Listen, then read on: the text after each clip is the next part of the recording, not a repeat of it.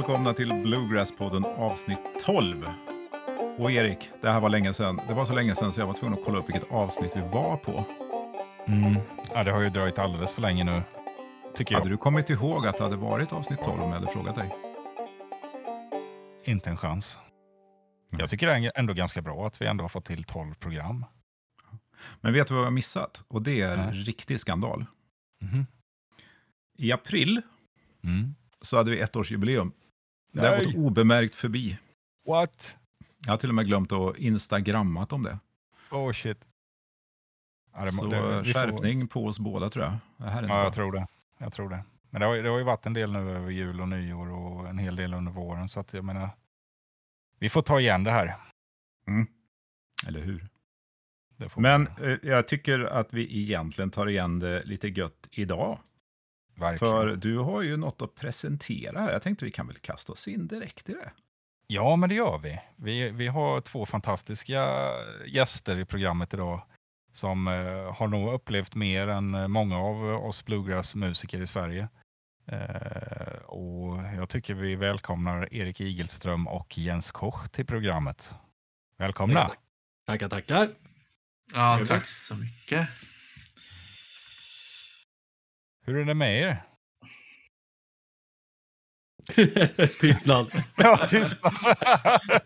Erik, Ja. snälla, kan inte du ta den? Det här är ju en väldigt svår fråga. Va? Hur är det egentligen? ja. Nej, det är, det är fantastiskt. Det är bra. Det är härligt tycker jag att det eh, börjar bli lite sommar ute och eh, att eh, förhoppningsvis vi börjar få lite ordning på den här himla pandemin också kanske. Mm. Så Ja, det är väl positivt tycker jag. ja, men det känns som hoppet lever lite nu i alla fall. Verkligen. Mm. Jens då, hur är det med dig? Ja, men alltså det, det är toppen verkligen. Jag tycker det är... mm, Alltså, det är en så skön årstid nu och eh, jag menar, häromdagen hade vi ett jam eh, ut, utomhus.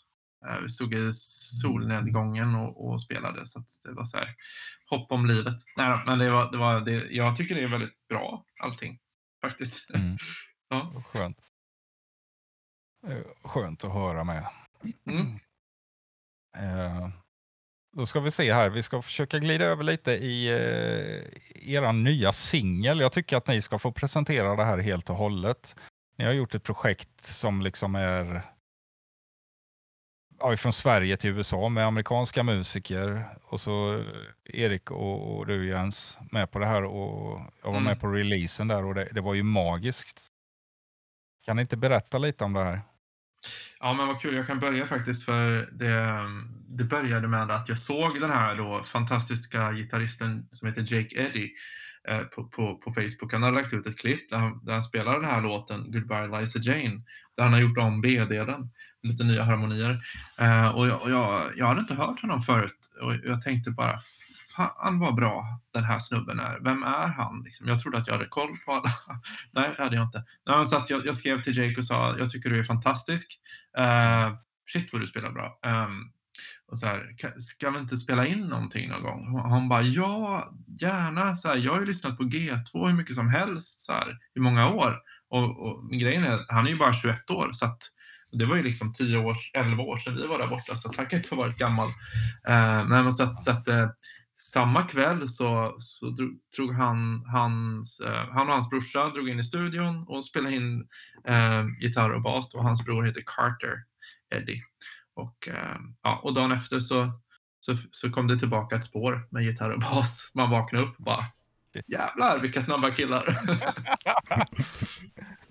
Det var ju så himla roligt för du hörde ju av dig till mig då den på kvällen efter att du hade pratat med honom då. ja, Och, och sa liksom att eh, "Ja, det är en jätterolig grej på gång och jag tyckte det lät svinkul och var inne och kikade på, på Jake och vart ju helt eh, superimponerad också. Och sen så tänkte jag att det där eh, får väl marinera ett tag som det brukar göra med sådana där saker. Och sen, sen tog det ju ett dygn och sen så hade vi redan fått deras eh, del av liksom inspelningen. Då hade de ju dragit direkt till studion. Ja, det var fantastiskt kul. Ja, vad fränt. Shit. Ja, Och ni hade en, eh, en erkänt bra producent där, eller mixar också va?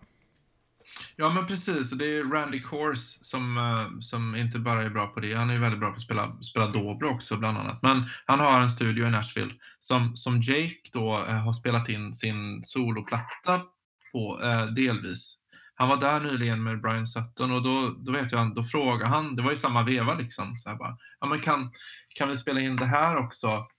Eh, för, för det behövde spelas in lite, lite fiol, eh, ett pålägg där. och då använde de Randy och sen så, så, så frågade han om Randy kunde mixa det och eh, det, det ville han. Så det var ju skitkul. Um, så. Så, att, Så vad, det- vad tog alltihop i tid då? Från, från idé till produktion? Vad, är det nytt rekord eller? Erik, var, visst var det typ, det var någon gång i, jag tror, jag kommer inte riktigt ihåg, men jag tror det var någon gång i mitten av mars, så typ så här två månader eller en och en halv.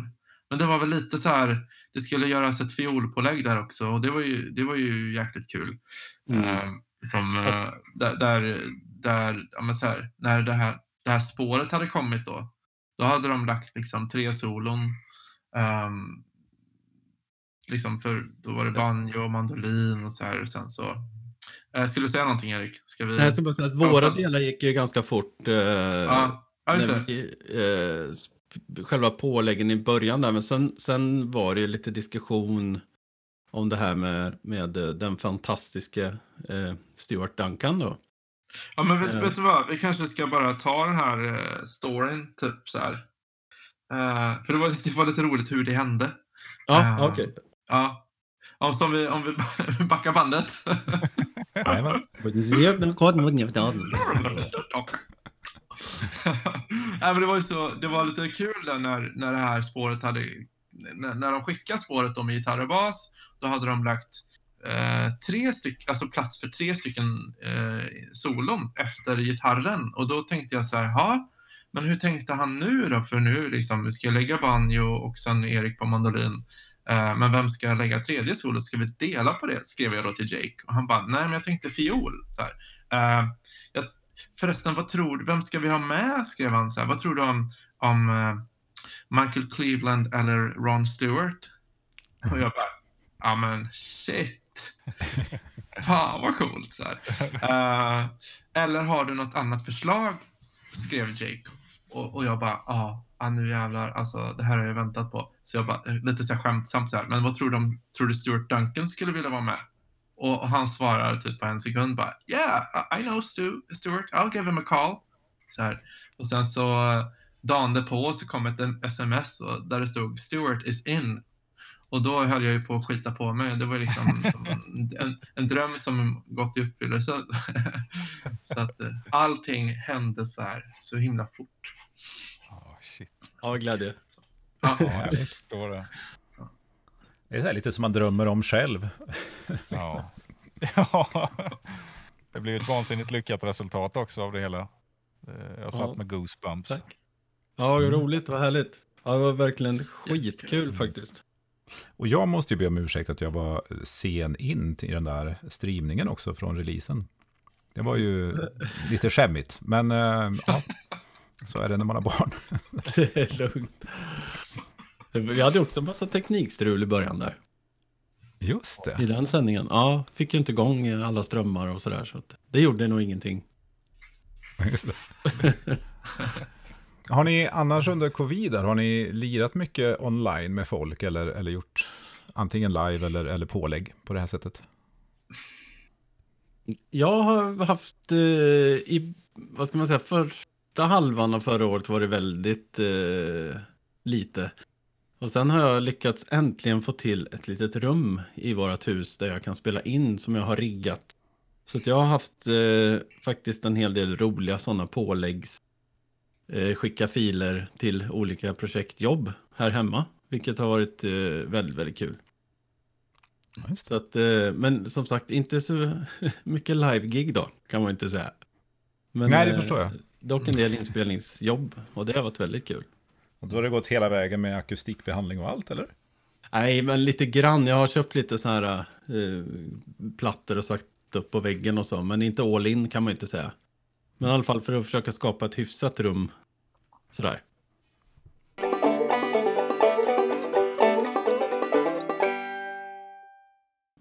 Eh, Erik och Erik och Jens, vet du vad jag skulle vilja göra? Jag skulle vilja spola tillbaka bandet ännu längre. Jag skulle egentligen Ja. vilja börja med, eller inte börja med, utan fortsätta med att ni får liksom presentera er själva, vilka ni är, vad ni har för bakgrund och, eh, och sen er gemensamma bakgrund också. Mm. För den är ju ganska Mm. lång. Så, Ja, den börjar, den börjar ju bli det. Vi är så jävla gamla. Gärna hur intresset för bluegrass växte också. Ja men precis, när kom ni i kontakt med det första gången och hur eh, upplevde ni det och så vidare och så vidare. Så jag vet inte, ska vi dra en lott här Erik? Vem, eh, vem tycker du ska få gå först ut? Ja, jag tycker han med det fina namnet där ska få... eh, Då menar du Jens? Okej. Tack, tack namn. Varsågod Erik, berätta, Ja, vem är du och var kommer du ifrån och vad, vad, varför mandolin? Du har väl flera strängar på din lyra säkert? Ja, men det, är ju, det började ju egentligen med... Alltså från början är jag från Östergötland, men jag var ju bara fem år när vi flyttade därifrån upp till, eh, till ett litet ställe som heter Hällefors, som ligger i Bergslagen. Hälförs. Hälfors. Och eh, när jag var sju, kanske sex, sju år så åkte jag med min eh, pappa eh, och mamma och min familj upp till en spelmansstämma i Dalarna. Som heter Bingsjö, Bingsjöstämman. Och eh, vi har väl inte så mycket folkmusik liksom i min familj. Min pappa har ju spelat gitarr och haft dansband på 70-talet liksom. Och, så jag har ju växt upp med med liksom Merle Haggard och George Jones och alla liksom de här countrylegenderna i hemma så att säga. Så det här med spelmansmusiken var ju tämligen nytt även för min, för min pappa då. Men vi åkte upp där, första året var där 82. Och det var så sjukt härlig stämning där. Det är ju som en bluegrassfestival fast det är liksom folkmusik istället då. Eh, och jag började spela gitarr eh, med min pappa och den där spelmansstämman var ju så här, jag ville ju vara med, jag ville ju spela liksom överallt med alla. För det är ju buskspel liksom. Så jag tror en kombination med att eh, min eh, pappa lärde mig att spela gitarr och vi satt hemma och spelade våra låtar och eh, åkte till den här stämman då varje år och många så här saker gjorde ju att jag kände att musik är något jag vill hålla på med liksom. Och just den där eh, känslan att man vill vara med. Man ser ju ett gäng som har kul och så känner man, jag vill, vara i, jag vill också vara där liksom. Så att eh, jag är uppväxt med country och så hemifrån. Eh, alltså mandolin kom ju ganska sent in i mitt liv. Jag minns faktiskt första gången jag kom i kontakt med, med bluegrass. Eh, det var när jag gick i sjuan på högstadiet. Jag hade en kompis eh, som hade hittat den här Will the Circle Be Unbroken-plattan hemma hos sin morfar. En dubbel-LP. Den liksom fastnade vi för, jag och min kompis. Och spelade den en hel sommar, vet jag. Och tyckte att det där var så sjukt fränt liksom.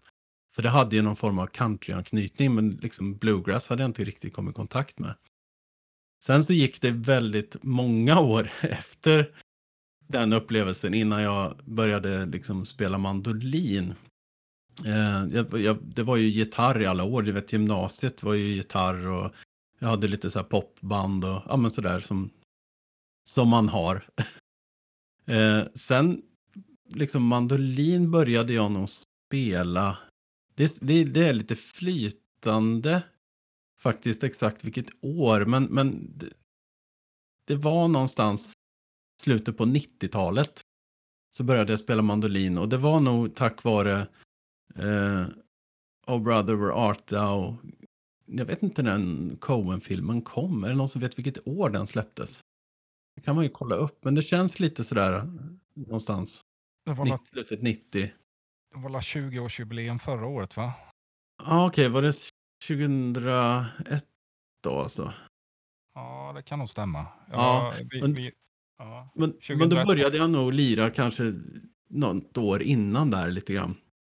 Eh, och eh, jag vet att jag ramlade över någon sån här Chris Thiele instruktionsvideo liksom när han är, eh, vad är han i den, 14-15 år kanske och spelar ju helt sjukt liksom.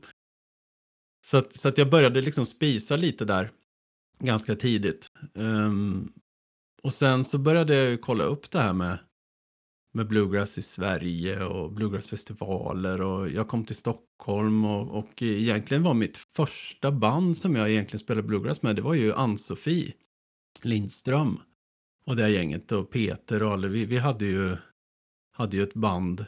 Eh, så det var nog mitt första bluegrassband tror jag i Sverige. Eh, i Sverige, det låter som jag spelar bluegrass i hela världen. Ja. Första bluegrassband, helt enkelt. Punkt. Och eh, det var ju de jag spelade med då. Eh, när jag började få lite nys om, om, om Jens och Tobias och Kristoffer och Jimmy, de grabbarna. Och alla hade ju liksom sina band då när vi träffades med G2. Så att eh, det är väl på något sätt i kort min musikaliska bakgrund. Sen har jag ju haft, som jag sa, lite så här folkmusikinfluenser. Jag har ju spelat eh, liksom all möjlig musik eh, genom åren. Jag har väl alltid liksom gillat att, att grotta ner mig i, i olika genrer och musikstilar. Så att eh, jag hade ju till exempel alltid haft en dröm om, om att liksom spela lite mer jazz och så. Och det, har ju liksom, det intresset närde jag ju eh, tillsammans med Emil Ernebro och sådär. Kanske fem, tio år liksom. Just det, för om man ska gå på det som inte har med, med musik att göra, vad gör du till vardags då? Är du, ja, det, det verkar Ja. som att du är duktig på statistik och programmering, är det så? Nej, inte programmering, men däremot så har jag varit IT-konsult i många, många år. Jag har jobbat i Försvarsmakten först som, eh, som officer och slutade som kapten där i, i marinen. 2005 slutade jag som officer och blev konsult i Försvarsmakten. Så jag jobbar med IT-säkerhet och eh, ja, brandväggar och rotrar och sånt där, hejsan hoppsan, i försvaret. Och det gör jag fortfarande. Det är mitt, mitt daglig jobb så att säga. Okej. Så eh, ja, that's what I do. Right. Men det är roligare Ja. med musik. Ja, det är ju det. det är ju så, vi, ska, vi ska inte prata datorer för det gör vi alldeles för mycket på jobbet. ja, precis.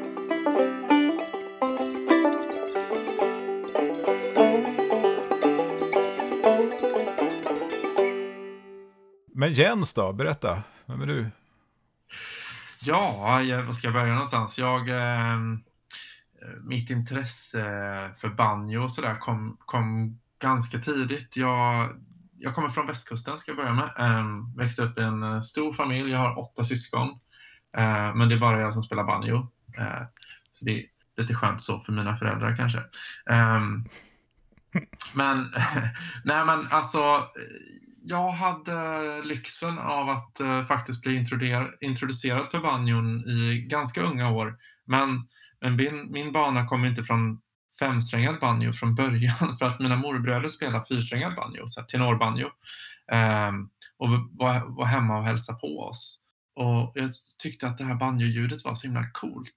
Men alltså, så började ju min musikaliska bana Eh, med blockflöjt och det kanske inte var så musikaliskt då. Men, eh, eh, och sen så, så gick man igenom keyboard ett tag och sen så lite så här akustisk gitarr. Men när jag var tio så sa jag till min morbror, men jag vill, alltså det, banjo, det vill jag ju spela för det är ju, det är ju kul. Liksom. Så sa han så här, ja, men du, eh, om jag hade varit du så hade jag börjat spela femstringad banjo för det är mycket coolare än fyrstringad banjo. Och när jag jag var ung och började spela banjo på 60-talet, då, då hörde vi bara talas om femsträngad banjo. Eh, eh, men, men de höll ju på då att spela sån här liksom jazz, liksom så här Dixieland, ganska tradjazz liksom. Eh, men, men hur som helst, eh, jag sa, ja men det låter ju jättekul med femsträngad banjo. Och, och så, så kom han med en trave LP-skivor då, eh, min, min morbror Bertel, och eh, han sa, här låna de här, det här är bluegrass. Och, och då fick jag ett gäng liksom då, LP-skivor att, lyssna på med. Det var Doc Watson, det var ju Flatt and Scruggs och lite Bill Monroe och The Dillards och annat. Och, och jag blev ju helt tokig i den här musiken. Så jag fattar ju verkligen vad han menar med det här att, att femsträngad banjo är, är, är lite, lite ballare. Um, så sa jag, jag vill ha, jag vill ha en banjo. Så, här. så fick jag en femsträngad banjo när jag var, tror jag var 11. I julklapp då. Eh, och, och, och så började jag. Men jag hade ju ingen koll på hur man skulle spela. Så här. Men eh, började med ett, ett, ett vanligt flatpick. Undrar hur de kunde spela så fort. Ja. ja det, är inte, det är inte, växer ju inte banjolärare på träd direkt. Nej, Nej, så jag gick till, till kommunala musikskolan och sa hallå, ni måste ju ni måste lära mig spela banjo.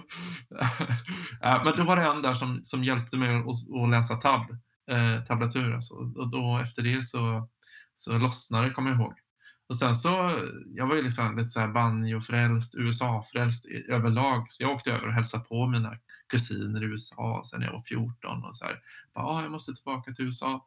Och sen så någon gång när jag var 16-17 där så träffade jag några band och började spela med Anders Ternesten och, och några andra i ett band som heter Blue Crash. Uh, uh, ja, så att uh, och sen så blev det lite andra band. Jag började spela med vad hette de där? Eh, Weeds kallades vi. Lars Blom och, och Tommy Backström och de här uppe i, i Torsåkertrakten. Och sen så eh, Jabb var ett annat band med Thomas Haglund och Magnus Sundström och Stefan Waddell och sådär. Eh, men, men det var väl först egentligen när, eh, när jag träffade Erik eh, och eh, Kristoffer och, och, Jimmy och Tobias då, eh, 2004, 2005 Egentligen så var det ju 2005 när vi träffades alla i Gränna och var där med olika, eller våra respektive band. Ehm, jag hade faktiskt träffat Erik på Bingsjö, och, och, eller i Torsåker var det, kanske båda två, mm. året innan. Uh, och så här, shit, värsta mandolinspelaren. Han ska bli min kompis. Yeah. det är så vi mandolinspelare ofta tänker. Att andra ska ja. tänka. ja, eller hur? Ja, du är också en sån. Ja, nej, men sen, sen var det ju eh, Gränna där då när vi, när vi var där och eh, bestämde oss för att, att se sin stuga en kväll och jamma. Då var det ju vi fem då som, som senare blev G2. Och det var ju ett jäkla härligt möte. Magic. Så, ja, så det är lite, lite kort om mig och fram till 2005. Precis, och nu tar G2-eran vid då. Kan man kalla det för det? Jag skulle vilja lägga till något i min story.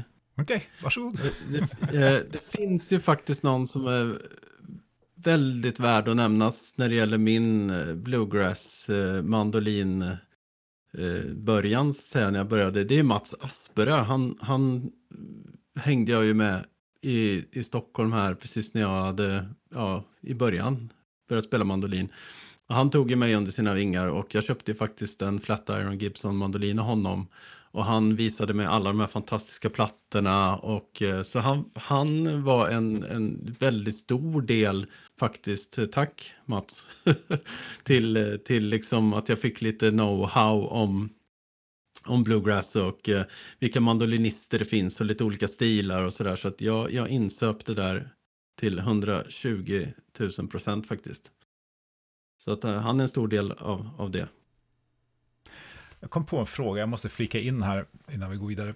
Um, idag när man vill ha en inspelning, en tab eller en uh, stycke uh, eller en how-to eller ett tutorial, då är ju det så otroligt lättåtkomligt i och med internet. Har ni lust att reflektera lite över det och jämföra det mot för 20 år sedan då när ni satt och var relativt nya på era instrument? Ja, alltså... Det låter det som att vi är väldigt gamla. Ja, men vi, vi, vi är nog äldre än er.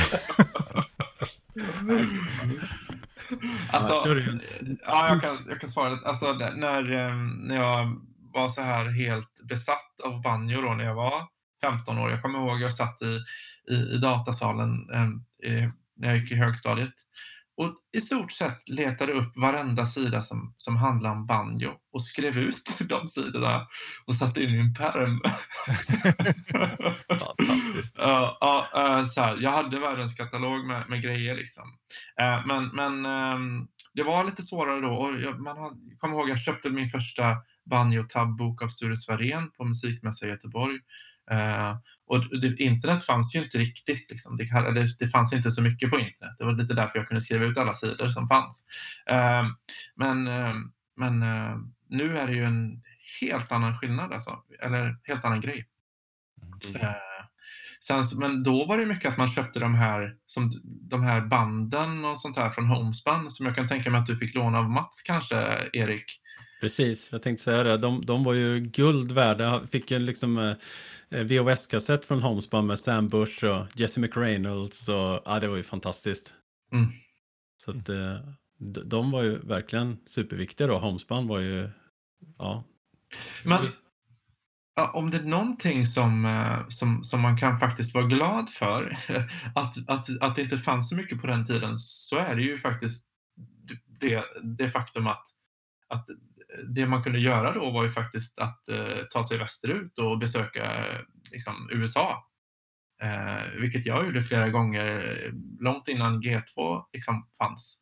Mm. Och, och innan internet hade blommat ut. Och liksom, eh, men så att jag var ju över ett, ett, ett gäng gånger och typ så här, stannade några månader i taget, köpte någon bil och harvade runt på festivaler liksom, och sov i bilen och såna grejer. Och det kanske inte hade jag, jag hade gjort idag om, om det hade varit så lättillgängligt som det, som det faktiskt är nu. Jag upplever också att när det är så lättillgängligt då är det svårt att vara fokuserad. Det finns alltid någonting annat att surfa fram och så sitter man inte och tragglar så mycket med en viss sak. Jag kommer ihåg, jag spelade ju lite gitarr i gymnasiet och sådär och då, då köpte man ju sådana här Ja, men jag kommer ihåg jag köpte Pink Floyds The Wall nothäfte och, och man spelar ju, försökte ju spela sönder de där solorna i den där eh, boken. Och sen lånade man ut dem för att låna andra av eh, några kompisar och de bläddrade sönder dem vidare. Så nu är de ju i sina beståndsdelar, de där gamla nothäftena. ja. det är mäktigt. Gött. Nej, men där har du en poäng, det tror jag absolut. Eh, Ur pedagogisk synvinkel så är det svårare tror jag att, att vara fokuserad i, idag. För att valen är så många liksom. Och man kan bli avbruten så himla lätt. Det räcker ju att det piper till liksom. I, och sen är utbudet så enormt också. Så att, eh, ja. Vilket i sig är jättehäftigt, men det är, eh, det är svårt för överblick. Även i en så pass, Mm. tycker jag, ändå liten genre. Om vi jämför med Mm. andra genrer. Jag har använt YouTube jättemycket faktiskt. Sen när, när det liksom exploderade. För, för låt, övning och liksom allt sånt där. Mm. Jag tyckte det var helt magiskt när det kom. Ni har, inga, ni har inga planer på att ha egna utbildningsplattformar på nätet? Jag har faktiskt blivit lite tillfrågad här nu via Emil Ernebro som kör Pro Guitar. Eh, och, eh, men, men det är också liksom, det skulle vara kul men jag känner att det är en fråga om tid liksom. Mm. Att eh, man, man, man, man jobbar och så ska man spela in och göra de grejerna musikaliskt som man vill. Och, och det skulle vara jättekul att undervisa men jag tror inte att jag skulle hinna det och, och vara någon bra pedagog. Det krävs ju att man är så himla liksom konsistent med att ladda upp nya saker hela tiden och, och eh, liksom följa upp och sådär. Så att jag har funderat på det men, men eh, ja, vi får se. Ja, jag förstår precis vad du menar, det blir, allt blir en prioriteringsfråga. Men jag måste också säga att det är synd om du inte gör det. Eftersom tack. Det var fint. jag har ju fått se dig som en liten instruktör i några minuter i Granna för ett par år sedan. ja, det var faktiskt väldigt, väldigt trevligt. Det minns jag. Så skulle alla lektioner vara, ute i gräset på en höjd med utsikt Ja. över Vättern.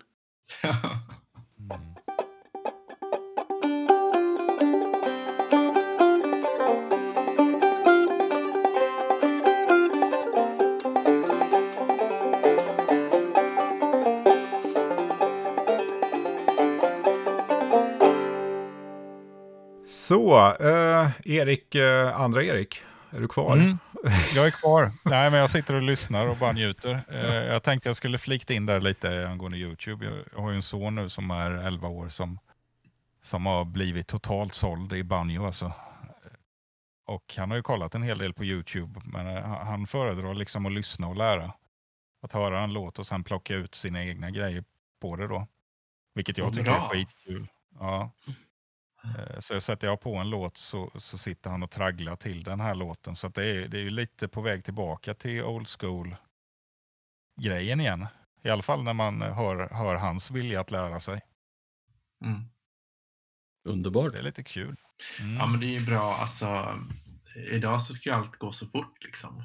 Eh, så att, att när ens attention span kanske är, eh, per automatik blir lite kortare så, så är det ju bara tack och ta emot att han gillar att lära sig via gehör. Eh, så här, liksom. Ja, verkligen. Toppen. Jag kommer ihåg när jag, när jag lärde mig eh, mycket, så här, då fanns det fanns inte Youtube och, och jag hade ingen man, eh, vet det, mobiltelefon som, som pep till och störde en. Liksom. Jag ägde ju ingen. så att, eh, Nej. Han sa, Det han, det roliga var han sa till mig härom, härom veckan att alltså varför har jag inte upptäckt att spela banjo tidigare? Jag kan ju kasta YouTube i papperskorgen typ. Ja, det var, det var nästan så jag började gråta. Nu behöver jag lite Ja. uppfostringstips av dig här Erik. Nu får, Ja. får du vara givmild. Vi kan eh, starta en sån utbildningsplattform tycker jag, eh, Erik Moreau. Eh, Just Ja, det. vi har faktiskt gjort det. Vi, har, vi har dragit igång det lite smått här nu. Vi är ett ungdomsgäng här nu som har ungdomsgäng Ja. Var tredje vecka och vi är väl en, hur många är vi nu?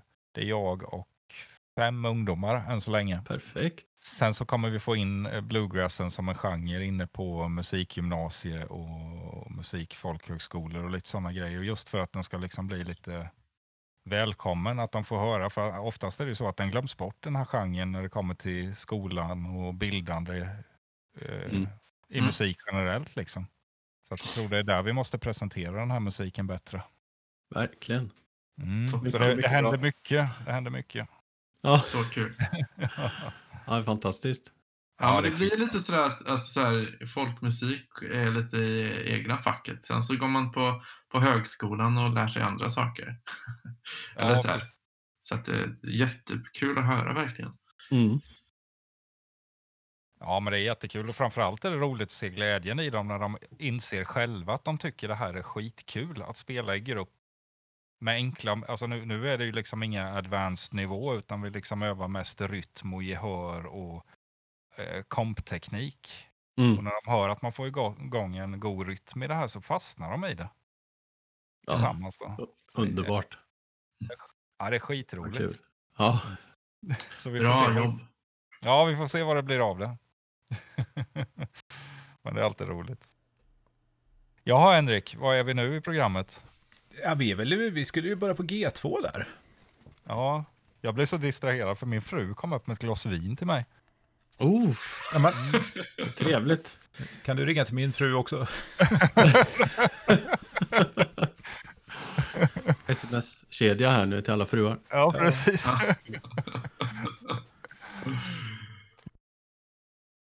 G2 var vi inne på, ja. Ja. Just det. Kommer du ihåg? Kommer du ihåg? Nej. Kör du? Ja, jag minns ju. Jag minns ju, det var ju väldigt roligt. Vi var, för det första så var, vi, var det någon form av nyförälskelse eh, feeling liksom överallt. Och vi hade liksom samma referens eh, eh, och sväng liksom referens. Det kändes bara så sjukt bra när vi spelade ihop.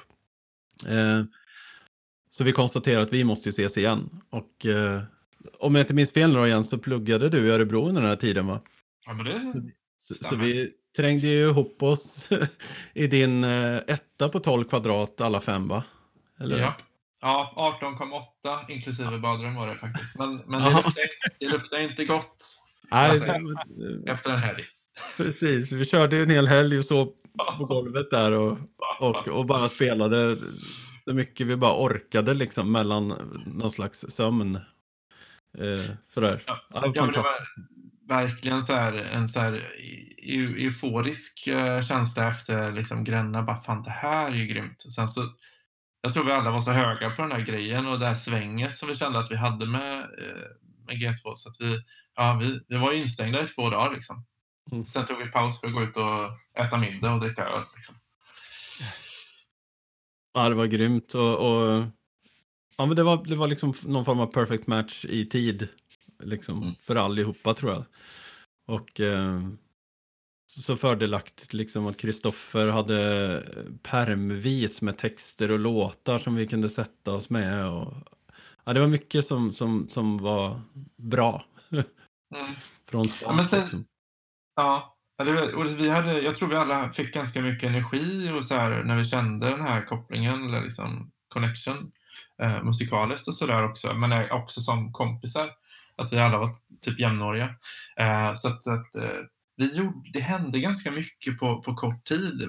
Ehm, det här var ju då på hösten liksom 2005. Sen så hade vi vårt första gig någon, någon gång i, jag tror det var i mars. Vi, vi var med på eh, den här countrykryssningen på, och spelade på Bluegrass-scenen. Eh, det var när de körde då såna Ålands countrykryssningar. Eh, och sen så gjorde vi en, en, eh, en demo eh, här i Stockholm var det va, Erik? Mm, med Ja. Daniel Granberg. Precis. Och så, och så gjorde vi några låtar och sen så skickade vi ut någon, någon form av någon, någon liten sån här EP. Eller skickat till lite folk i USA lite här och var. Vad Evob var väl först va? Eller? Var det efter? Ja. Det kanske var efter den. För det Evob European World of Bluegrass. Är det va? EVOB. Exakt. När vi åkte ner till Holland 2007, Mm. tror jag det var.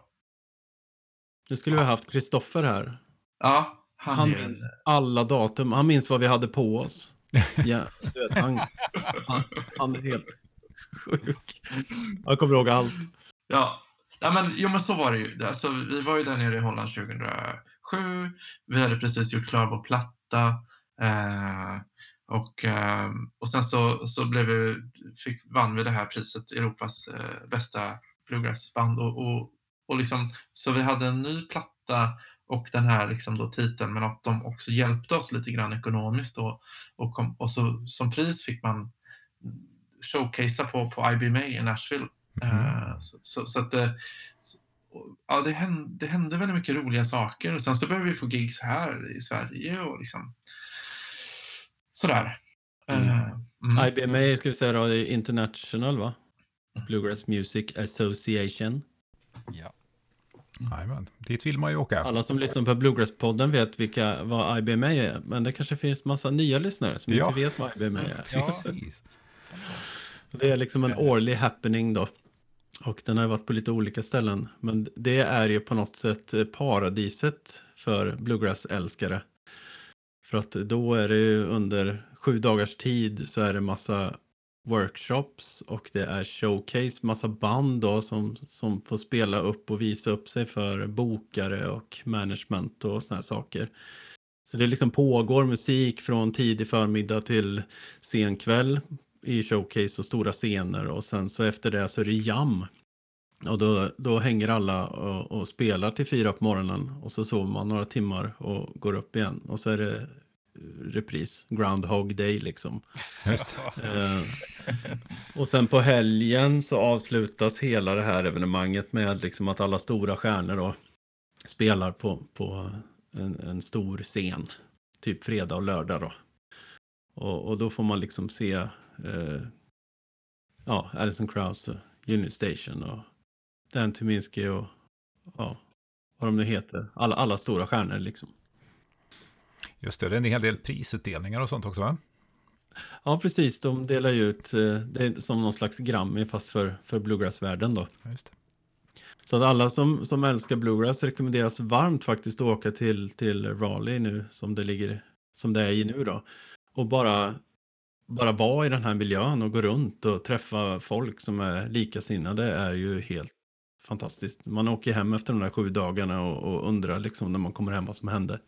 Det tar ett tag att smält, smälta allt. Så det, det är väl- väldigt, väldigt kul. Och dit åker man inte med instrument va? Utan man åker därifrån med instrument, eller hur är det? Ja, precis.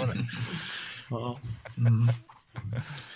Ja, de har ju eh, utställningshall, vad heter det? Exhibit hall, eller vad kallar de det för Jens? Där Ja, precis. Ja. instrumentbyggare får ställa ut sina alster. Så att eh, det, det är bra man har några hundratusen på fickan. Ja. Eh, över. Jag satt, jag satt i den där exhibit-hallen i, i Raleigh och, och spelade på en Martin och sen så kollade jag på prislappen så ställde jag tillbaka den efter. Ja. Sen, jag tror den var på 800 000 eller något sånt där. Ja, ja det är helt, helt otroligt. Ja, men så det är väldigt roligt. Och där, men ni fick spela där i, i ett sånt läger då för managers och sånt, eller hur var det? Ja, alltså när vi kom dit första gången så var ju... Jag hade ju liksom aldrig varit i den här världen förut. Jens var väl den som var mest belevad då, som hade varit eh, flera gånger i sin ungdom och åkt fram och tillbaka. Så han liksom visade lite grann vägen. I alla fall för mig. Jimmy hade ju varit i USA lite med sin pappa innan också. Men så man gick ju mest runt och gapa första gången vi var där och släpa liksom hakan lite grann i backen. Det var ju svårt att ta in allt liksom. För att alla som man, alla idoler man, man har var ju där, gick runt och hejade och tjena på folk och, och så man var ju liksom överallt ville man vara, som en liten iller. Men, men eh, då fick vi showcasea som det heter och de här showcase-grejerna de pågår ju då i massa olika små eh, rum då. Det, när vi, på den här tiden så var det i Nashville, i Convention Center som det heter. När, när vi var där. Och, och jag vet att vi sprang emellan de här showcase-rummen för att det var bokat. Vi hade så tajt schema liksom. Mm. Så, att, så att vi spelade och, och sen så bara fick man springa två våningar upp och då skulle man vara i ett annat rum liksom. För de här showcaserna pågår hela tiden. Mm. Och eh, jag vet att vi hade med oss en, en singel då som, som delades ut till alla besökare. De var ju såna här goodie bags som det heter och, och vi lyckades då få med våran, våran platta i den här goodiebagen så alla som gick in på, på IBMA fick ju våran singel då liksom. Hmm. Så det var otroligt kul och eh, en fantastisk upplevelse. Sen åkte vi tillbaka, sen fick vi ju kontakt med en bokare där, Jim Rowe, som bokade Michael Cleveland och Flamekeeper. Och det var ju några år senare. Eh, det var ju 2010 det. Nu pratar jag hela tiden Jens, du får fylla i om du vill. Oj, jag somnade. Förlåt. Jag vet, jag har den effekten på folk. nej, nej. eh, men uh, ja, fan, men du, du glömde faktiskt 2008-2009. För att det var ju riktigt kul år. Eh, men som du sa, vi sprang runt som uh, tokar på, uh, på IBM 2007. Jag kommer ihåg, så här, vi hade 13 stycken spelningar på, på de, här, de här dagarna. Det var ju kul. Eh, men, men sen så 2008 så åkte vi tillbaka och då, och då, då vart vi inbjudna till att spela på eh, Fanfest som är den stora scenen. Mm. Det var ju jävligt roligt, rent ut sagt. Och sen så 2009 så var vi official showcase och fick vara med på den här häftiga awardshowen eh, som, som då gick på Ryman Auditorium. Och det var ju helt eh, bisarrt liksom att få stå på scen och Ni har spelat på Aha. Ryman alltså?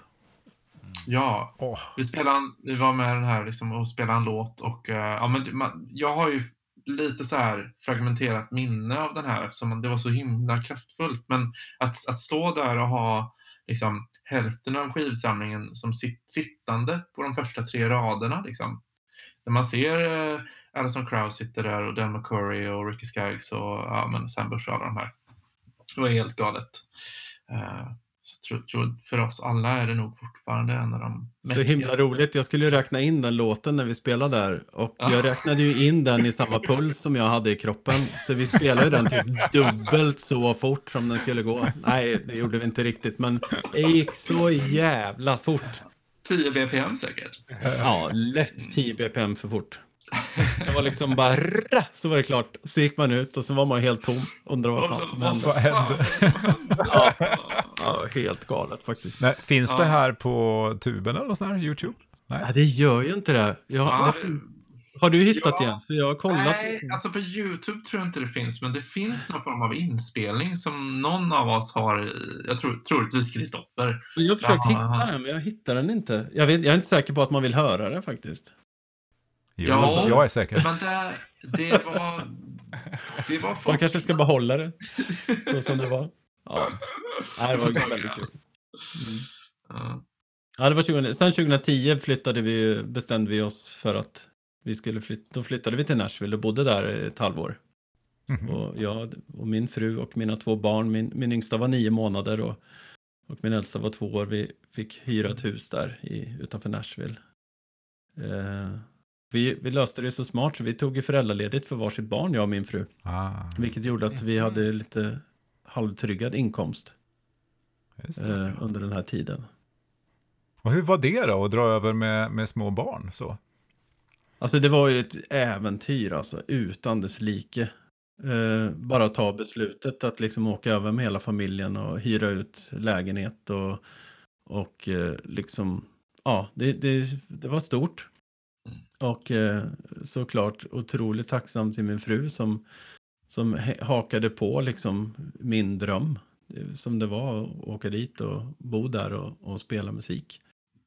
Så såklart fick ju hon dra ett stort lass och det var ju inte alltid skitkul. Det var ju liksom varmaste sommaren i Nashville på 18 år, så det var ju som 40, 40 grader varmt ute och hon skulle försöka liksom underhålla barn eh, i trädgården. Det var ju så varmt så gick inte vara ute. Jag minns att hon skulle åka rutschkana någonstans så hade den liksom smält, eller den var helt skev hela rutschkanan. Den hade liksom, ah, den var som en sån här spinner-isglass liksom. Rumporna på ungarna ska vi inte prata om. nej, nej så, så att hon hade hon kämpade, min fru. Uh, uh, men, men det var otroligt fina minnen också såklart. Vi hade ju, ja. vi åkte runt i en van liksom och spelade på festivaler. Jag minns fortfarande liksom hur man rullade in med, med rutorna nervevade när festivalerna, de har ju liksom det var ju full fart på dem. Det var fullt med folk och det var musik från scenen och man glider in liksom och drar ner rutan och bara känner pulsen liksom. Ja. Alltså, det, var det var ju som att det var som att gå på Liseberg när man var liten. Man ville bara rusa ur bilen och bara fram och titta liksom och åka alla karuseller men eh, liksom ja. bara jamma med alla sköna musiker och ja, så jävla kul. Men hur står ni ut med vardagen idag då, när ni tänker tillbaka på det här? Ja, ja. Ja, vad ska jag säga? Nej, men så... Du skulle inte fråga det, sa du. Jag tar några, tar några piller, va? Så, alltså, lite antidepressiva så, så går det bra. Nej, men vad fan, alltså jag tycker att eh, vi, jag, jag är jättetacksam för den tiden vi hade där borta och eh, ser ju alltid fram emot att åka tillbaka. Alltså, Erik och jag pratade om att, att dra tillbaka till IBMA om det, om det, det blir någonting. Mm. Förhoppningsvis i höst redan. Eh, och liksom ha det som en tradition. Men eh, jättekul att kunna musicera här borta och liksom göra sådana samarbeten som vi har gjort med Jake, eh, Eddie och liksom de andra. Eh, och faktiskt men att, att det går bra ändå. Uh, och jag hoppar med andra band här, som, eller liksom andra konstellationer. Det måste inte bara vara, måste inte bara vara bluegrass, även om det är det som liksom, är allra djupast rotat i hjärtat hos mig personligen. Liksom.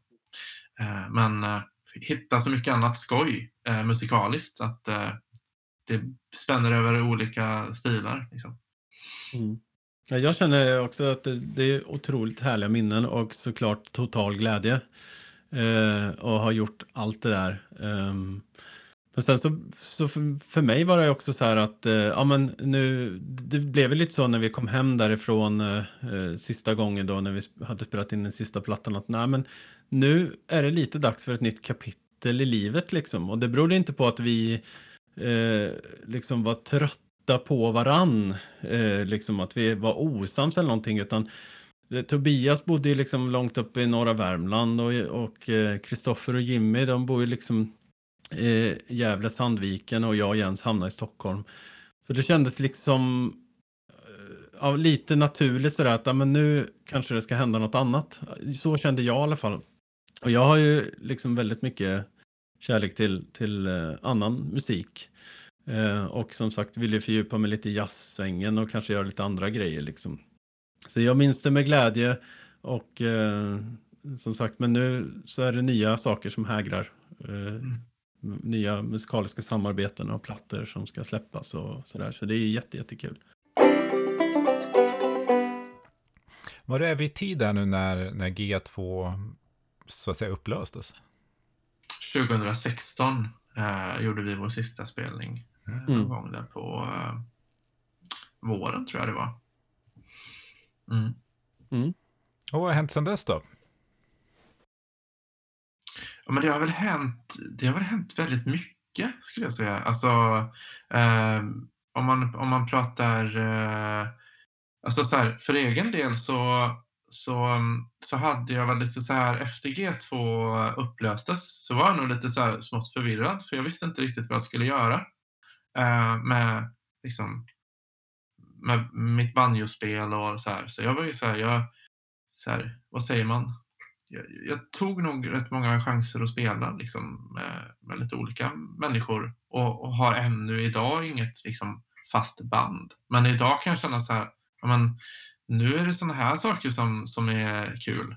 Eh, liksom, och, och göra så projekt eh, mer eh, sådana här grejer. Eh, vi, Erik och jag har ju även hoppat med så här, Bo, Bo Kaspers orkester några gånger. Ja, just det. Och, och gäst, gästat med våra instrument och så här. Det har varit skitkul. Och jag tycker det ska bli kul att fortsätta och liksom få in banjon i andra kontexter. Uh, men uh, det känns ändå som att uh, det händer väldigt mycket runt musiken. Jag har en del banjoelever som kommer, håller lite kurser, bluegrasskurser. Och jag ska säga det, nästa kurs vi håller förresten, det är här i Stockholm. Thomas Haglund och jag kör, kör tillsammans. Nu blir det lite reklam här, men, mm, men, men det får man. Jag, jag, det jag passar bara... på för det, det, känns som att vi, vi är här och att det är många som vill lära sig och bli bättre på att spela och sådär. Och att, att vi är en skön community i Sverige faktiskt. Mm. Och jag tycker det är superkul eh, på grund av den anledningen, liksom att ni har dragit igång den här podden. Mm. Ja, har ni ja, mer tips än det så är det, så är det väldigt välkommet för dig, som du säger. Det är ju en kanal ut som är meningen att användas. Ja, och det känns kul att ni binder, knyter ihop människor. Och, eh, mm. liksom, Verkligen. Så. Jag kom på en sak. Ja. Jag tänkte mm. bara lägga till lite vad som hände efter G2. Jag, jag har ju något som, som jag, jag, kan passa på att göra lite reklam för som ligger mig väldigt varmt om hjärtat just. Eh, det är ju att vi startade något som heter Klubben på Scalateatern i Stockholm. Ja. Tillsammans med eh, ett husband, Mattias Torell, Lisa Nilssons gitarrist eh, och en fantastisk gitarrist överhuvudtaget. Men, eh, och en kille som heter Johan Samborg som, som är en värmlänning som bor i Stockholm som jag känner sedan gammalt. Och sen är det Per Björling och Niklas Gabrielsson. Per Björling spelar bas och Niklas spelar trummor. Vi drog ihop som ett litet husband Eh, och sen har vi bjudit in artister och kört en gång i månaden under de här åren. Vi har hållit på kanske i två och ett halvt år nu tror jag. Så har vi kört en gång i månaden på Scalateatern och det har ju varit helt magiskt. Och det har varit liksom alla möjliga artister, högt och lågt liksom. Eh, så det har ju varit en motor för mig. Ni frågade vad som har hänt efter G2.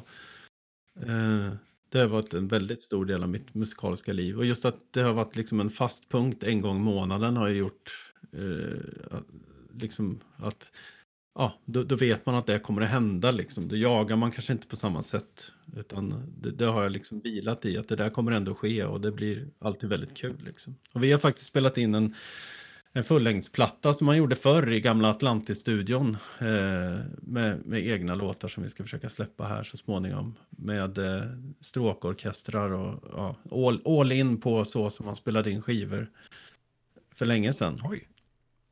Mm. Så det känns väldigt, väldigt spännande och kul. Men har ni hållit på under covid också med detta eller? Ja, det har vi. Alltså, klubben är, är väl lite som ett kollektiv, så några av oss har skrivit musik till Vår tid är nu, tv-serien, mm. under, under klubben-flaggan så att säga. Så det har varit, eh, vi har inte spelat ute, men vi har, det har pågått en, en massa andra saker och sen så har det skrivits även lite annan musik till reklam och såna här saker också då. Eh, så det, det, det, ja, det är ett härligt musikkollektiv liksom. Som verkar på flera planer. Det ska bli så himla kul att höra er platta Erik. Eh, ja, men för tack, det, det, ja, men det jag har hört det är så jävla bra. Liksom. Det, och det ska bli kul att se eh, hur folk tar emot det här. Mm. När släpper, ja, när släpper ni det här då? Var det något datum satt eller? Alltså, na, vi, det är ju det här med pandemin då. Vi kände väl att eh, vi, vi ville ju ha ett, en bra release liksom och bjuda in. Vi, vi, har en trogen publik som har kommit till Skalateatern då, de här giggen som vi har haft en gång i månaden. Så att vi har liksom, ja, vi, vi, vi avvaktar lite grann hur det ser ut. För att vi vill så gärna ha en stor fest. Ja, en jävla fest. Så att eh, vi, vi har inte satt något datum. Men, eh, men vi hoppas väl i alla fall eh, typ i höst. Mm. Att, den ska, att den ska komma ut. Och då hade vi också tänkt att trycka lite härlig gammal vinyl också. Ah. Eh, så att, eh, ja, det är ett väldigt roligt projekt. Kul. Kul. Ja, varmt, eh, rekommenderas varmt eh, att pricka in någon av de här kvällarna på, på Scalateatern och se ja. klubben. För det är alltid liksom någon, någon, någon eh, speciell gäst som är med eh, också. Någon, någon, någon, person som är jäkligt bra på att sjunga eller spela eller någonting som, som gästar. Eh, så att, eh, det är bara så bra. Mm. Tack. Bra tips. Kul. Kan man gå ut på klubb N, klubben utan E på Facebook. Just det, med man C eller K. Eh, K-L-U-B-B och sen N bara. Klubben helt enkelt. Klubb. Klubben. Klubben. Nu, eh, jag har, eh, Ja. vi, har en fråga Ja. som vi alltid brukar ställa. Hör du, förlåt. Ja. hör du. Du har, du, du har ett svar som du alltid brukar ge kanske. Ja, ja, ja. När ni var inne på klubben, då kände jag, hör du? Nej, men jag kände så här, det är bra att sitta och, och prata liksom så här, och, och, och höra vad som, vad, vad som hände. Och så kom jag, kom jag på, jag måste ju faktiskt lägga till någonting också. Eh, för att eh, jag missade nog en viktig del. Eh, vad som hände efter G2 för mig var, var det här att, ja men fan jag måste ju fortsätta lira, vad ska jag göra då? Jag har inget band. Så jag drog ihop att, eh, att spela eh, på Rost, en, ett, en restaurang och klubb i Stockholm. Eh, och körde egentligen nästan varje månad i flera år på den scenen. Eh, och drog ihop lite gäng med lite så här bluegrass-kompisar och så här. Så det var lite olika gäng varje månad, men många som återkom flera gånger. Och Det var ju, skitkul. Ja, där var ju du med flera gånger Erik. Det var ju skitskoj verkligen. Så att, eh, Mm. det var, det var så här, ett sätt för mig att fortsätta gigga, för jag, jag älskar ju att spela live. Det är ju så, det är ju så mycket energi. Eh, och, så. och sen så, ehm, sen så eh, under coronaåret, när det mesta stod still så köpte jag så här ljudkort och liksom så här monitorer och man började liksom köpte, köpte, köpte lite bra mickar för att kunna spela in här hemma. Liksom. Så att, eh, jag har också gjort en del påläggsjobb och gör det fortfarande på, till, liksom, till höger och vänster till massa olika projekt och det är ju skitkul. Häromdagen var det till en, en reklamfilm. Liksom, så här, så att, eh, eh ja, det, det blir lite av varje. Ja, vad var det för reklamfilm det där? Så, att vi kan, så vi vet vad vi ska leta efter. Jaha, ja, det är ju då för eh, en, en, en... Får man säga det här? Ja, men det här är inte Sveriges Radio, vet du. Nej, Om inte du har något kontrakt med din uppdragsgivare som gör att du inte får säga det. Ja, jag har inte skrivit på ett skit. Nej, men det är för en tjänst, en, en VPN-tjänst som heter Mullvad. Okej. Eh, som, ja, och då, då råkar det bli mycket banjo i den här låten. Det är det man tänker på när man hör eh, VPN-tunnlar. Då är det väl någon banjo som krävs där. Men kul, Ja, då, då vet vi ja, att det är du som spelar banjo på den reklamfilmen. Alltså. Ja, jajamän. Ja. Och, och, och kontrabas och, och mandolin och gitarr också Jaha, faktiskt. oj, oj, Det oj. blev lite av varje här. Ja. Snodde mitt gig alltså. Han lekte mullvad. Ja, exakt. exakt. Ja, du, ni har ju varit med om en hel del och eh, sett en hel del. Eh, ett varsitt minne om det tokigaste, galnaste, roligaste bluegrass-minne ni har. Tio sekunders betänketid.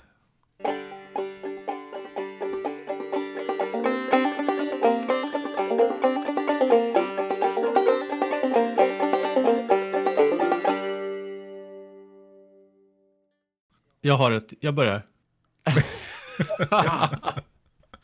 För då kan nämligen inte Jens ta samma. Men precis, det handlar om honom Nej. kanske. Nej, jag vet inte. Men, men jag har en sån mäktig upplevelse faktiskt.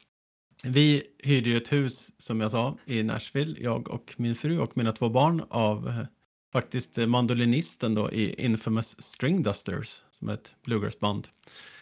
Han hade hittat en tjej och flyttat därifrån, så vi hyrde hans hus.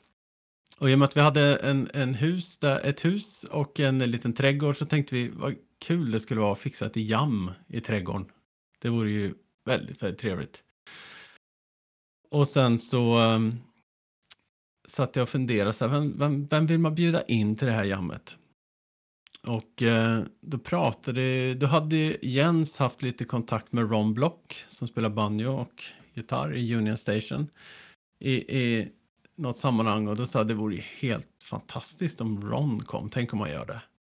Det var det så här drömscenario. Så att jag satt, vi skickade iväg lite meddelanden kors och tvärs och skickade till Ron Block att, eh, eller om det var du Jens som skickade, jag kommer inte ihåg, men bara, det vore så himla kul. Vi, vi, eh, vi ska träffas här och här och du känner ju Jens lite grann och för ni har ju haft kontakt. Eh, så, så kom förbi om du känner för det. Och så tänkte man att det kommer ju inte att hända. Och kvällen gick och, och vi satt ute, vi hade dragit ut så här eh, skarvsladdar och ställt eh, vardagsrumslamporna ute i trädgården och gjort det här supermysigt där. Eh, och så framåt, ja, jag vet inte vad klockan var, men mörkret hade lagt sig så, så kommer det en bil parkerad precis vid, vid eh, utanför huset där och sen så mycket riktigt kommer de Block med guran i ena handen och banjo i andra handen och bara Hey guys! Slår sig ner på en stol. Och då var ju min eh, kväll gjord. Ja. Och jag tror alla andras också. Så satt vi och lirade liksom med Ron Block där. Som, som att det var det mest naturliga i världen. Fram till småtimmarna liksom på natten. Det, det är ett underbart minne som jag kommer bära med mig för alltid. ja, det förstår jag. Då så, Jens, kan du kontra det eller? Ja, alltså, ja, Berätta inte om förra sommarens minne bara. alltså jag, ty jag tycker det var så himla fint att faktiskt tänka på det här. Ehm, jag blev så här, fylldes av en så djup tacksamhet för alla sjukt roliga stunder som vi haft liksom. Eh, ehm, och som man haft när man spelat. Men, men jag skulle säga att ehm, vad- för, förresten, förlåt. Är det här, var, var frågan eh, vad vi gjorde med G2? Eller bara Nej, allmänt? Bluegrass minne. Precis. Bluegrass det får gärna vara dråpligt eller, eller sånt här som man inte ser på scen, utan kanske bara bakom scen. Så det finns inga begränsningar här. Okej, här är ett jävligt kul minne. Uh, dråpligt sa du. Öppna upp den. Ja, Pandoras box vi hittade här ja, du, det finns faktiskt lite som aldrig ska komma ut, men den ska vi inte ta upp nu. Men eh, vi, vi landar i Nashville. Eh, det här är 2008, eh, tror jag det var. Eh, plocka ut vår van på hyrplatsen på hyrbilsfirman. Eh, kör hem till min kompis som bjuder på käk. Um, vi duschar, gör oss i ordning för vi ska senare åka upp till, till Kentucky och spela på en radiostation. Spela live liksom. Så det var viktigt att vi höll tiden. Men det som vi hade missat var att, vi, att, vi, eh, att det var en timmas tidsskillnad. Så vi, vi, vi var ju tvungna att köra ikapp den här timman. Liksom, för, vi, för att inte missa vår, vår sändningstid. Eh, så det blev lite bråttom och vi var ute på vischan och du vet, vi får köpa en karta för GPSen funkar inte och det var så här jävligt struligt. Eh, och, och Jimmy, han, han kör, han, han körde väldigt mycket där borta när vi var i USA. Stå på liksom. Um, och vi får, um, vi är väl 20 minuter från eh, radiostationen. Sen ser vi liksom de här blå sirenerna, eh, blå, blåljuset liksom. Och vad fan, nu kom Highway Patrol. ja, så vi stannar till där. Eh, jag kommer inte kunna berätta hela storyn för det passar sig inte i det här formatet, men jag kan berätta den för er eh, i ett annat format. Men, men, men ehm, eh, för det är lite pinsamt. Men eh, rullar ner rutan och så står en stor en sheriff där med världens största hatt och bara Hi boys, how you doing tonight? Going a little fast? Och vi, och vi bara yeah, we're, yeah, who, who are you guys? Uh, um, we're a bluegrass band from Sweden. Och han bara a brass band from Sweden? I thought you were a goddamn bunch of missionaries from Tennessee.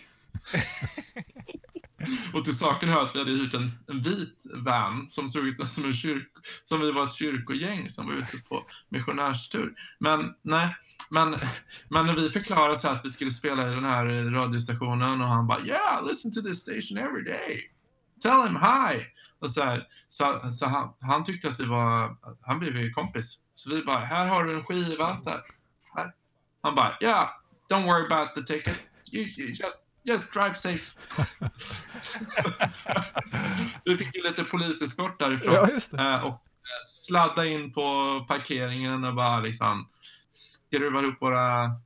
Nej, men eh, liksom ställer upp och bara på sekunden bara... Ja, men det var ju faktiskt skruva ihop. för Jimmy Ja. hade ju sin Eminence-bas som är i två Ja. delar. Så den får man ju spänna upp hals och grejer på. Liksom.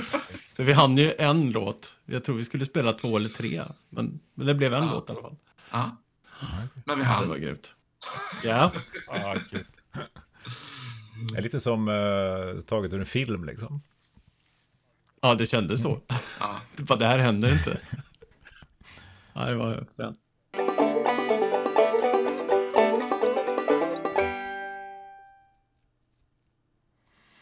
Ja, härligt. Hörni, vi har eh, faktiskt en fråga till som vi brukar ställa eh, våra gäster. Och det är eh, tips. Det kan vara egentligen vad som helst för tips. Men tips för lära, spela, eh, någonting som ni på något vis har, har tagit till er under årens lopp som ni skulle vilja dela med er till, till våra lyssnare.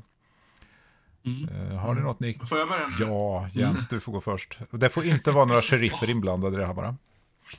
nej, uh, nej, men alltså mitt tips till, eh, till alla som vill spela uh, är att uh, spela med andra. Och för, för jag vet, för jag har sett och jag har hört att det finns rätt många människor som, som gillar bluegrass och sån här typ av musik. Eh, men inte riktigt lirar med andra. Men jag vill bara uppmuntra alla som är nyfikna på att eh, kom ut, ta med instrumentet, eh, joina jammet, åk till Grännafestivalen och alla andra sådana här festivaler och jam som finns. Och eh, prata med folk och liksom lira tillsammans för att det, det är så jäkla roligt. Och eh, eh, ja, men liksom använd de här eh, sociala medierna vi har för att connecta med folk och, och verkligen så här ta, spela med andra. Det, det kan ju vara lite, eh, lite, man, lite skrajsigt först när man inte är van. Liksom, men, eh, Mm. det är så himla inbjudande och trevligt för det mesta. Så att, eh, man har så mycket vunnet av att vara lite framåt och, och våga där. Eh, jag kommer ihåg själv när jag var ung, liksom 15-åring och typ satt i bakgrunden på jammet på Näs utanför Göteborg. Men eh, ja, det är så himla värt att bara ta för sig. Ta tillvara på att det finns folk som tycker om att lära ut också. Det finns, det finns bluegrasskurser och liksom folk som ger lektioner och vill, vill gärna tipsa bara för att, det, för att vara schyssta. Mm. Jag tycker att det är en jädra skön community. Eh, man hjälper varandra och så. Eh, jag uppmuntrar alla. Jag hjälper alla som jag kan. Verkligen. Ja, härligt. Mm. Nej, men jag håller med dig. Och det, det är lite så här, när man är svensk och, och lagom blyg, då är det här lite, lite ovanligt kan jag nog tänka mig att många tycker. Men, men som du säger, när man väl börjar så inser man hur välkomnande det är. Ja. Mm. Och just att det är en sån här jamkultur. Mm. Att eh, du vet, det finns ju Mm, ingen bättre än att stå och Det jamma. där- Det är ju det roligaste. Ja, jag vill vara med-känslan. Jag vill också vara med och spela. Den, den tror jag är otroligt viktig när man börjar. Jajamän. Erik? Jag, tänker, jag tycker det var väldigt bra sagt. Jag kan instämma i allt som Jens sa. Spela tillsammans är otroligt viktigt. Det- Så det börjar för mig med Bingsjö stämma och liksom det här med, med eh, ja, att man ses och, och, och framförallt det här få stöttning som jag fick av Mats när det gäller musik och att det är någon som inviger en lite och, det- och det finns folk som vill göra det om man vågar fråga liksom. Det tror jag är otroligt viktigt.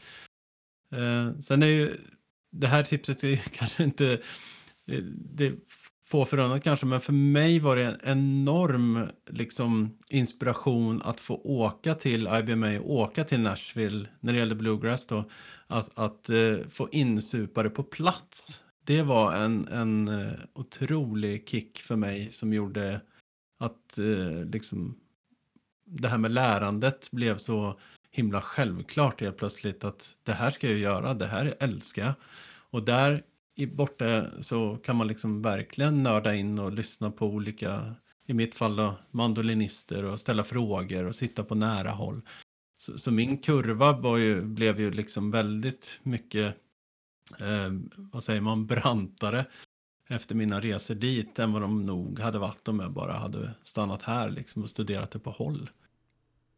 Men, eh, men sen eh, om man ska se ett generellt tips när det gäller lärande så så är väl eh, grundregeln att, att alltid lära sig mycket långsammare än vad man tror. Spela sakta och behärska tempo innan man spelar fortare.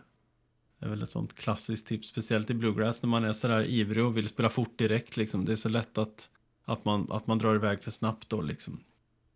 Så det är mitt tips. Bra. Nu, när vi, jag kom på en sak till, vi har glömt att fråga. Mm.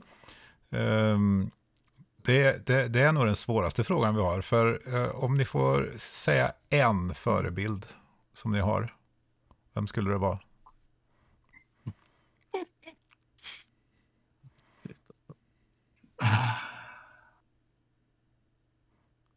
Man har ju massa förebilder i olika genrer också. Det är ju så här, Ja. bluegrass då kanske, om man ska hålla sig till Ja, ämnet precis. lite. Ja, Chris Thiele har ju varit en, en otrolig förebild för mig, faktiskt. En sån in, källa till inspiration som är outtömlig faktiskt. Han är lite så här överjordisk på något vis. Ja, det är han. Han finns inte egentligen tror jag. Nej. Mm. Mm. Ja, han, är ju, han är ju galen. Han är ju magisk. Eh, jag, jag tycker också han är fantastisk, eh, verkligen. Ja, en förebild för mig. Jag kan låta lite oväntat kanske, men, eh, eh, nej, men jag tycker att Stuart Duncan är en, för, eh, en förebild. Jag har lyssnat så mycket på honom och varje gång jag har lyssnat på honom så har jag slagits av hans otroliga smakfullhet liksom, på sin fiol. Men det är någonting som, som och hans, liksom hans förmåga att spela melodin men att spela runt melodin, att göra en variation av den och sen så att supportera, liksom backa upp sina, sina liksom, de andra. Det tycker jag är så fenomenalt att om det är någonting som inspirerar mig så är det det. och hans, hans ton. Liksom. Ja. Sen så Don't get me started på banjo. Men, men jag tycker Stewart är liksom en sån otrolig ikon och eh, därför kändes det så monumentalt häftigt att, att den här drömmen gick i uppfyllelse nu, att vi, att vi hade att få spela in med honom. Eh, så att, eh, ja, det kändes så kul. Så vad säger du, Erik Morå? Vad, vad har du att säga? Ja, jag säger egentligen. Jag tycker alltså det är bara fascinerande att lyssna på Jens och Eriks eh, liv. De har levt med den här musiken i, i hälarna. Det, det, är, det är grymt mycket erfarenhet som, som finns där. Så att, eh, grymt tacksam att ni ville ställa upp i Ja, programmet. det har varit Skitkul. väldigt intressant att lyssna på. Uh, Ja, men vi slår rekord. Varje avsnitt blir mer och mer intressant känns som. Mm. Verkligen. Ja, men skitkul att ni, att ni frågar oss och det är återigen så himla kul att ni kör den här podden. Det var ju på tiden att någon gör en Bluegrass-podd. Eller hur? Ja, hurra Ja. för Det finns ju en hel del på andra sidan Atlanten, men jag hittar ingen svensk. Mycket bra. Nej, jag tror vi är ensamma än så länge. Det finns en countrypodd, men eh, det är mycket, mycket trummor där. Ja, nej. Det håll- håller vi oss ifrån, höll jag på att säga. För mycket trummor och för lite banjo. Ja, visst. Ja, det Men eh, Ja. ska vi eh, avsluta med att lyssna på era nyinspelning då kanske? Mm, Det vore grymt. Då tycker jag att ni ska få presentera den, ni som har gjort den. Mm. Okej. Ja, men då kör jag. Eh, här får ni höra vår nya singel som heter Goodbye Liza Jane och det är med eh, Erik Rigelström på mandolin och det är Jake Eddy på gitarr, hans bror Carter Eddy på bas, Stuart Duncan på fiol och jag, Jens Kock på banjo. Härligt. Tack ska ni ha grabbar. Tack själva. Nice. Jättekul. Tack för det. Ja, Tack. tack.